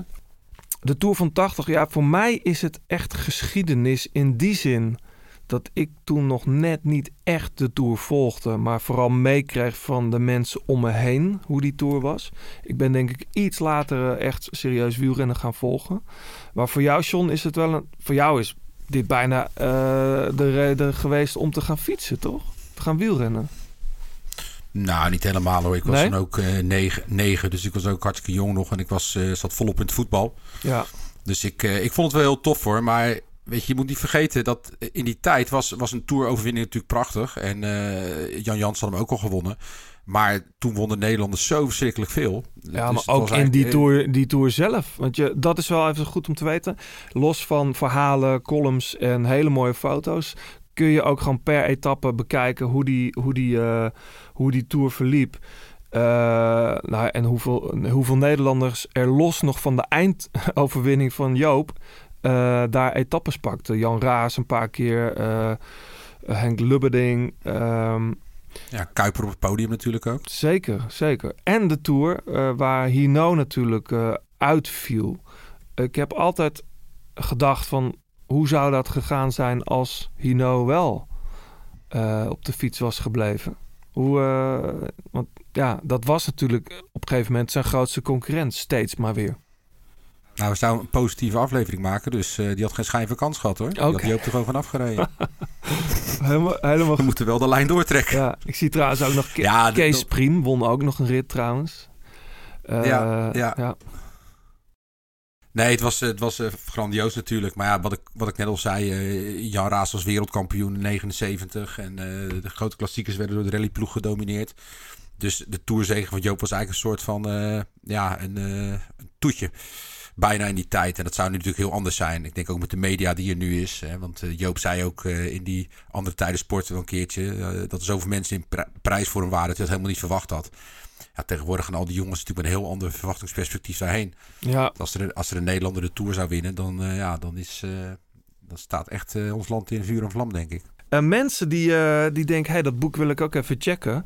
Dan moet je even naar de uitgeverij, de website van de uitgeverij gaan. Uitgeverij.ja, jea.nl slash zoetemelk. En we kunnen, en dat is wel leuk, alle luisteraars van de grote plaat, dus als je dit nu hoort, eh, die kunnen gebruik maken van een kortingscode. eh, de grote plaat met hoofdletters streepje JZB15. We zetten dat nog wel even in, die, eh, in de informatie. En dan krijg je dus 15 euro korting op de box. Want het is een, het is een heel luxe uitgevoerd boek. Met dvd's, cd's, van alles en nog wat. Eh, er zit nog net geen gebruikte bidon van Joop bij. Maar verder is die helemaal compleet volgens mij. Ongezien van Joop. En hij ligt ook gewoon in de boekwinkel. De Grote Plaat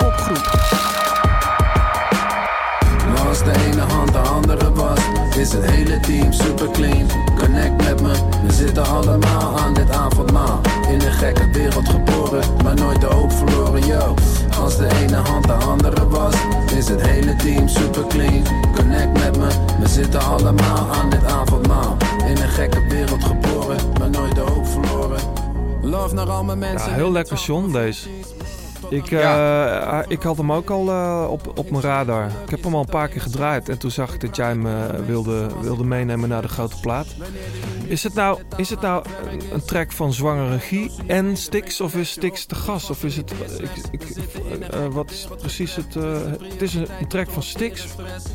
Ja, het is, het, eh, Styx heeft vorig jaar al meegedaan op het album van de Zwangere Guy. De Ja. ellebogenwerk. En daar was hij een feature. En nu is uh, Zwangere een feature op, eh, bij Styx. Ja. En is, Voor is dit een... eh, is dit zomaar een, een losse track? Ik, eh, of wat? Volgens mij wel. Ja, in hiphop Ja. is het natuurlijk heel gebruikelijk om gewoon dingen te droppen en met EP'tjes te komen. Ja, hartstikke goed. Dus Lekker. eh, ik denk niet dat er uh, vooralsnog een, uh, een album aan zit te komen. Dat zou misschien best kunnen. Maar de Styx heeft hem wel zelf geproduceerd. Dus dat is niet zo vaak uh, laten vertellen. En uh, ja, voor mij dit wel de crème de la crème van de Nederlandse en Belgische hiphop. Uh, ik ben al heel lang fan van Styx. Ja man. En uh, het, is een, uh, het, is een, ja, het is een lekker nummer. Het is lekker, uh, lekker slow met een lome beat. En uh, ja, gewoon heel... Ik vind die tekst ook Ik verdien zet ik de helft ervan op kant. Met z'n pleiten in het zand, mijmerend naar een strand. Met turquoise helder water en hun cocktail in de hand. Willen alles idyllisch, fragiel net als Luc Nilis. Soms verstaat men pas zichzelf wanneer het overal te stil is. Het ding is, waar een weg is, is een wil is. Muziek, vrienden, familie en daarna komt pas de business. Yeah. Als de ene hand de andere wast, is een hele team super clean. Connect met me.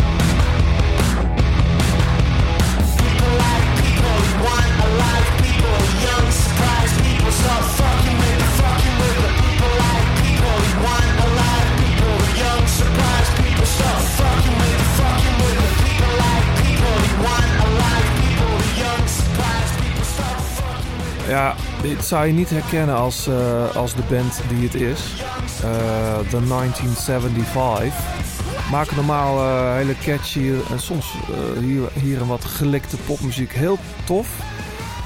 maar ze hebben nu toch iets gemaakt, John. Ja. ja, ik was toch even vol onder de indruk. Een, een album met 22 songs. Die begint met The 1975, die track zelf. Dat is een ja, een soort opening van de plaat. Maar die, die track was al een jaar uit. Met uh, spoken word dingen van uh, Greta Thunberg, de, de klimaatactiviste. Uh, zij, die band zelf is ook behoorlijk, zit, zijn behoorlijk activistisch ook als het gaat om, om de Green Deal en om groene, groener leven en klimaatneutraal toeren en dat soort dingen. En nu is er een album uit, wat ik al zei, 22 tracks. Ja, je zou het voor de los even helemaal moeten checken. 1 uur en 20 duurt die plaat. Maar het zijn ook klassieke songs. Dan komt er weer een, echt een popliedje bij waar, waar we ze van kennen. En dan People, dat is de track die je nu hoort. Dat, uh, dat vond ik eigenlijk wel het meest verrassende nummer. Omdat het gewoon uh, een hele bozige, uh, energievolle rocktrack is. En daar wat... ben ik niet, van, niet zo van ze gewend.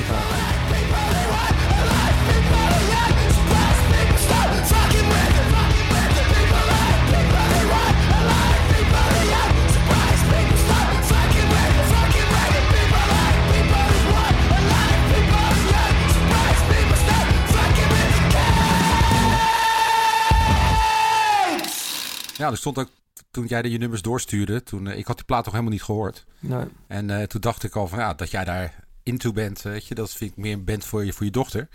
Maar inderdaad, ze hebben wel echt een, uh, ja, echt een revolutionaire soundontwikkeling doorgemaakt. Ja, en het, het wisselt ook heel erg. Hè? Dus je zou hem ja. echt. er zijn zoveel verschillende sferen. En het is wel een hele. Een hele.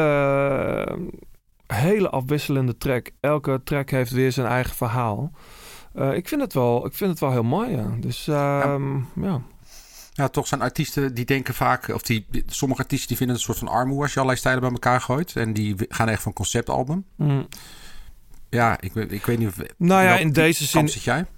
Nou, kijk, nee, ik, ik vind... Wat ik wel heel mooi vind... is dat zij gewoon een heel groot project neerzetten...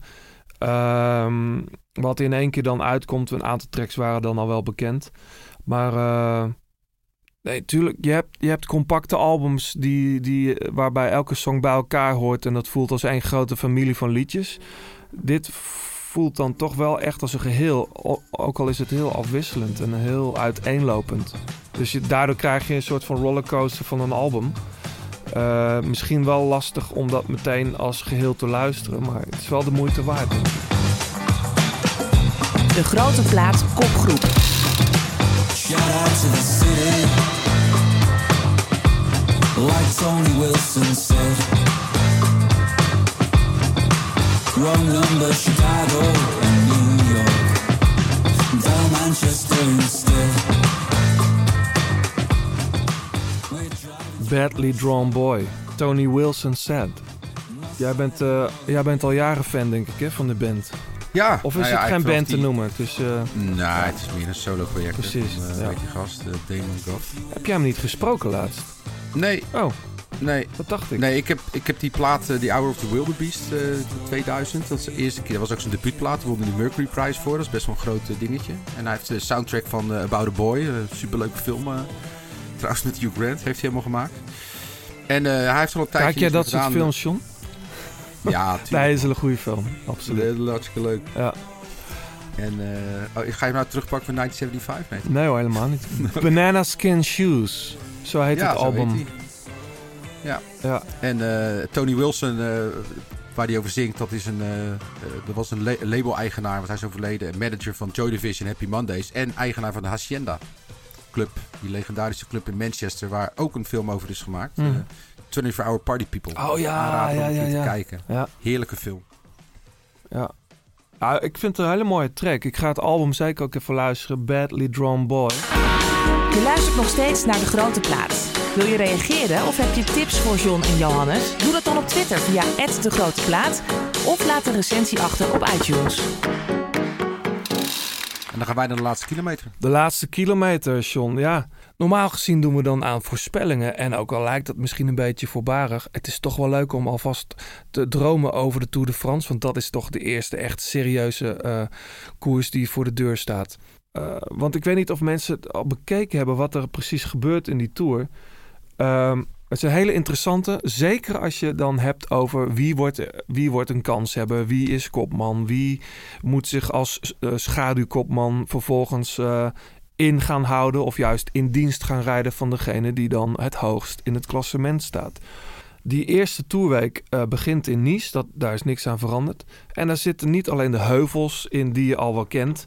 Uit Pa- Parijs-Nice bijvoorbeeld, Col en de, de Turini. Eh, maar ze gaan al heel snel door richting Sisteron en dan Gap. En er wordt gewoon in de eerste, even zeg ik het goed, in de eerste negen eh, etappes, dus voor de rustdag op 7 september, zitten eh, vier bergritten, eh, drie heuvelritten en slechts, zeg ik het goed? Ja, twee heuvelritten, vier bergritten en drie vlakke ritten. Dus dat wordt krankzinnige eerste week. Ehm, Peter die, eh, die denkt dat Roglic de Tour wint. Zullen we maar even beginnen dan? Bij, eh, bij, bij wat, wat hij daarover zegt. Hoe zie jij dat, eh John? Nou ja, als we gewoon het afgelopen wielerseizoen bekijken, dan denk ik dat Roglic inderdaad de nummer één kandidaat in ieder geval binnen die ploeg is. En aangezien het zo'n krankzinnig sterke ploeg is, eh, als ze in die eerste week al gewoon een. ik, ik denk dat er gewoon steeds meer kanshebbers af gaan vallen. Hè. Zeker omdat je natuurlijk geen, geen echt normale aanloop hebt naar de tour. Het is een heel andere voorbereiding geweest. En eh, het is gewoon elke dag mee zijn bergop. En, eh, en met een heel klein groepje gaan ze dan uiteindelijk uitmaken wie, eh, wie dan eh, wie, wie de Tour gaat winnen. Maar Ja. vooral die, die eerste, eerste twee ritten. eh, dat je gelijk al een heuvelrit hebt eh, in Nice en dan een bergrit rond Nice. Ja, dan worden natuurlijk al serieuze gaten geslagen. Ja, wat grappig is, is dat Roglic en Kruiswijk en Dumoulin... die starten allemaal natuurlijk. Even de rest van, eh, van de selectie bestaat uit eh, Wout van Aert, Laurens de Plus... Robert Geesink, eh, jouw Swift, eh, jouw Swift-collega... Ja. Sepp Koes en Tony Martin. Dus het is een enorm sterke selectie. En inderdaad staan daar geen sprinters bij. Wat ik grappig vind, afgelopen maand... eh, veel, veel renners hadden ook wel tijd voor wat extra interviews en zo. Ze hebben wel heel duidelijk steeds geroepen... hoe blij ze eigenlijk zijn dat ze met drie kopmannen zijn... en dan straks met drie kopmannen mogen gaan rijden. Terwijl iedereen natuurlijk al lang aanvoelt...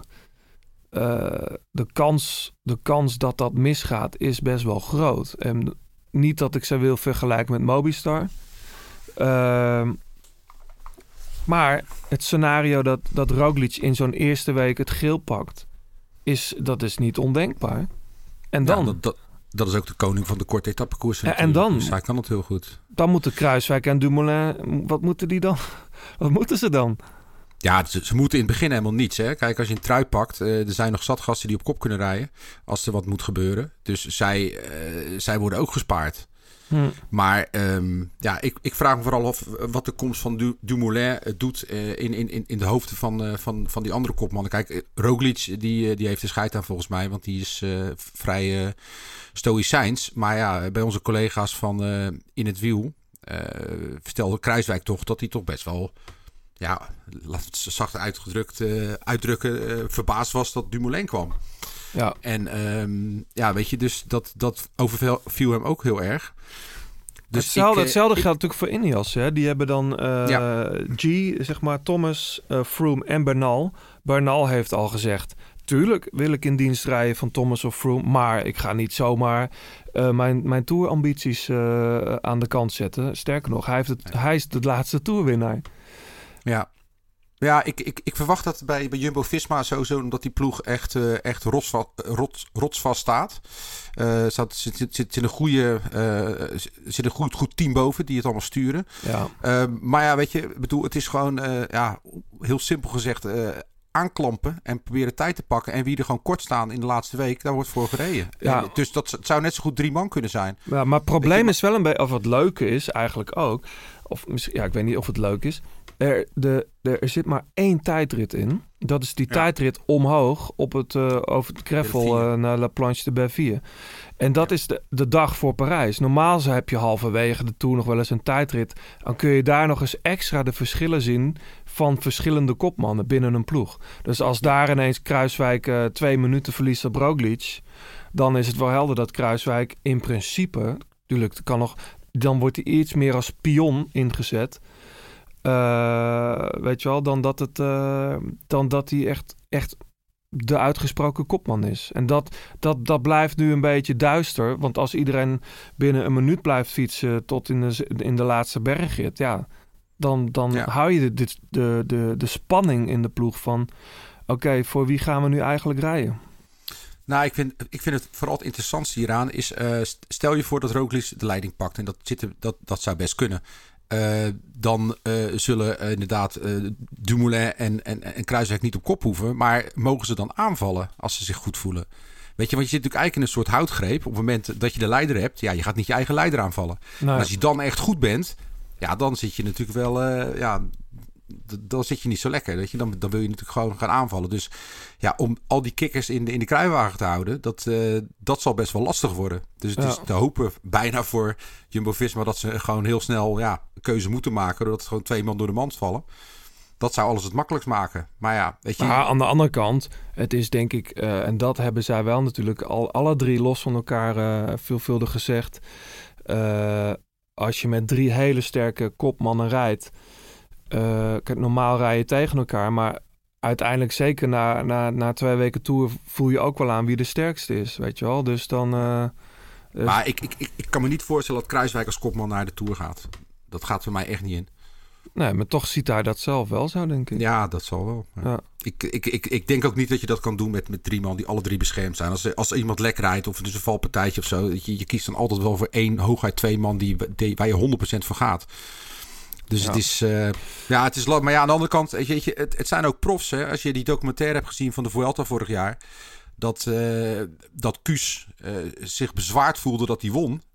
Die ene rit eh, in het ploegleidersauto bij, eh, bij al die Engels was het, geloof ik. Ja, bezwaard. steen- eh, nou ja, dat zei hij wel. Hij zei: Ik heb het dubbel gevoel. Omdat ik eh ja. eh, Primos niet heb kunnen helpen.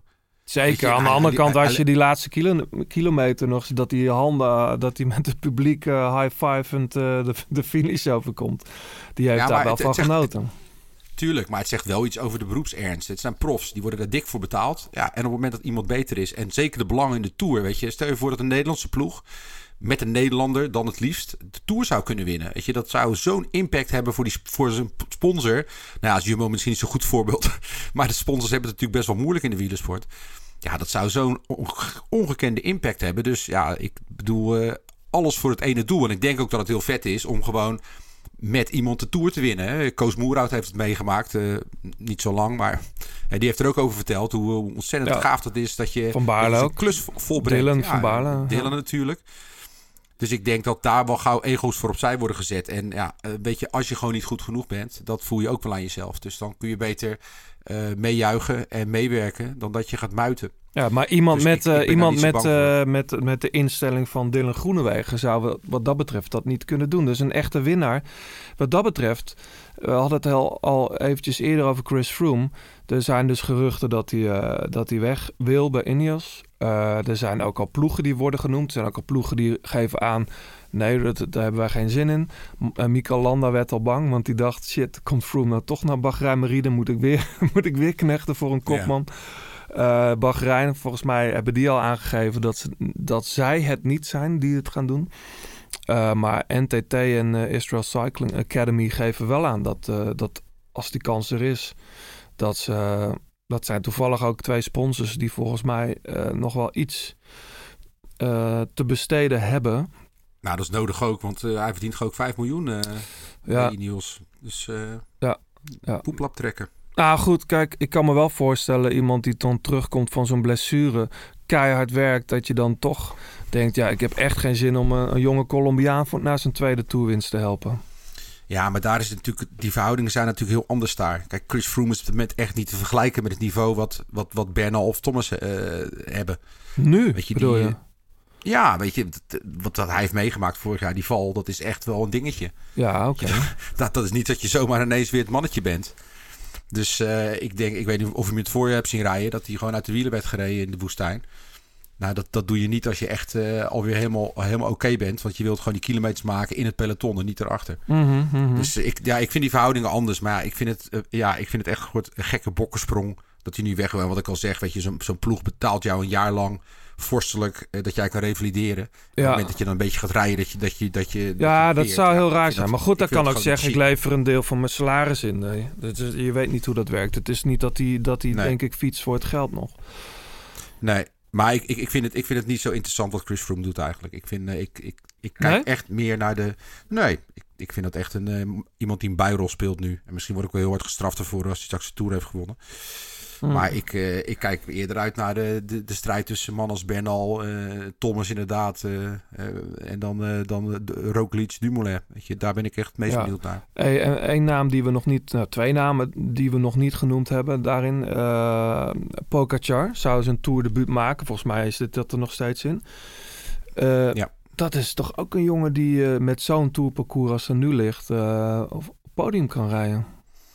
Ja, podium zeker. Maar ja, ze zeggen wel eens van je moet eerst een, een, een, wedstrijd verliezen om het te kunnen winnen. Mhm. En, eh, ja, maar ja, ik bedoel, Bernal heeft hem ook, natuurlijk ook gewoon de Tour gewonnen. Ja, maar het is wel een, op, onder die druk. Dus ehm, Ja, maar ik vind Bernal... Kijk, ik, ik, ik ben nog steeds van mening dat Bernal de Tour niet had gewonnen...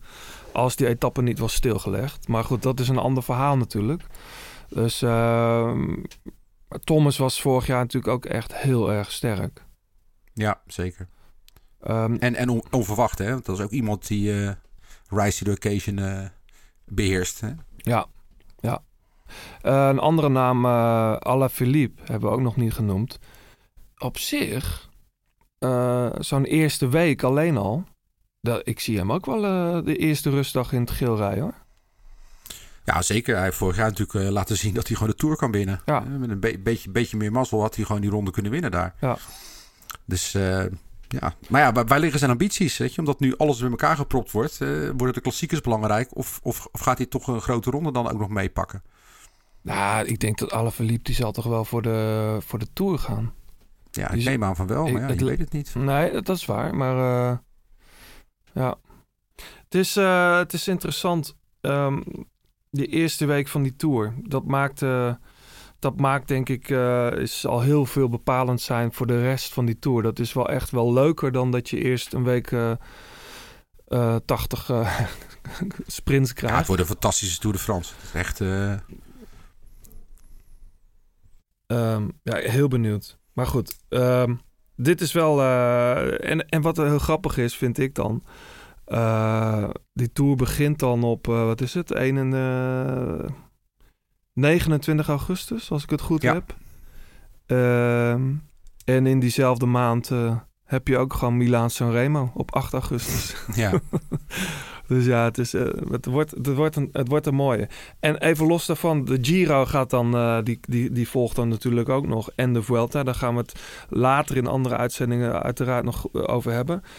Remco Evenepoel, die eh, twitterde van de week... Hè, dat hij zo'n zin had gehad in de, in de Giro. Ja, hij verveelde zich, hè? Hij verveelde zich. En ehm, nou goed, die was ook wel klaar voor de Giro. En ik denk dat hij stiekem ook wel echt in zijn kop heeft... dat hij daar ook podium, eh, podium gaat rijden. Wat denk jij? Ja. ja, ik weet het niet. Ik zou hem het Hogeberg willen zien. eh, meerdere dagen. Mhm, mhm. Dan kunnen we... Dat heeft hij natuurlijk niet echt gedaan nog op, Nee. op dat niveau. Nee. Maar ja, het is een wonderkind. Dus eh, weet je, je, je- het, is, het, is, eh, het zou zomaar kunnen.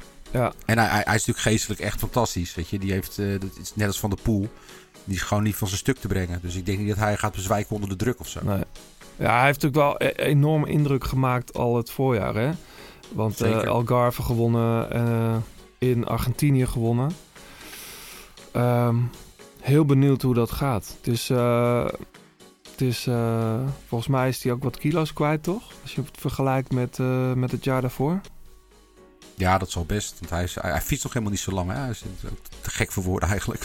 Ja. Dus dan eh, word je elke keer wat scherper. We willen graag wat mensen bedanken. Eh, Fleur Wallenburg, u kent haar stem. Eh 36 voor de fietskleding die je nog steeds kunt winnen dus. Eh, Pankra voor het logo. En natuurlijk onze sponsors Artivelo en Q Factory. John, Q Factory nog eventjes eh, voor de goede orde. Ja, dat is een, eh, een popzaal eh, slash hotel restaurant in, in Amsterdam. Wat nu in zware tijd zit. Ze zijn niet open. Hopelijk gaat het voor hun ook binnenkort, net als het wielerseizoen, eh, het licht weer schijnen. Ja, en jullie bedankt voor het luisteren. Laat even een reactie achter op Apple Podcasts of Twitter, De Grote Plaat. We zitten ook op Insta. Eh, en wie weet haal je de volgende keer de podcast. En eh, alle informatie kun je ook nog even terugvinden onder in de, in de informatie... eh, hoe heet dat ding eigenlijk? Ja, waar, daar staan alle websites die we genoemd hebben. Ook onder andere over de korting die je kan krijgen. 15 euro korting op de box van Joop Ongezien. Het boek over Joop Zoetemelk. Dat was hem volgens mij. Ja, la prochaine.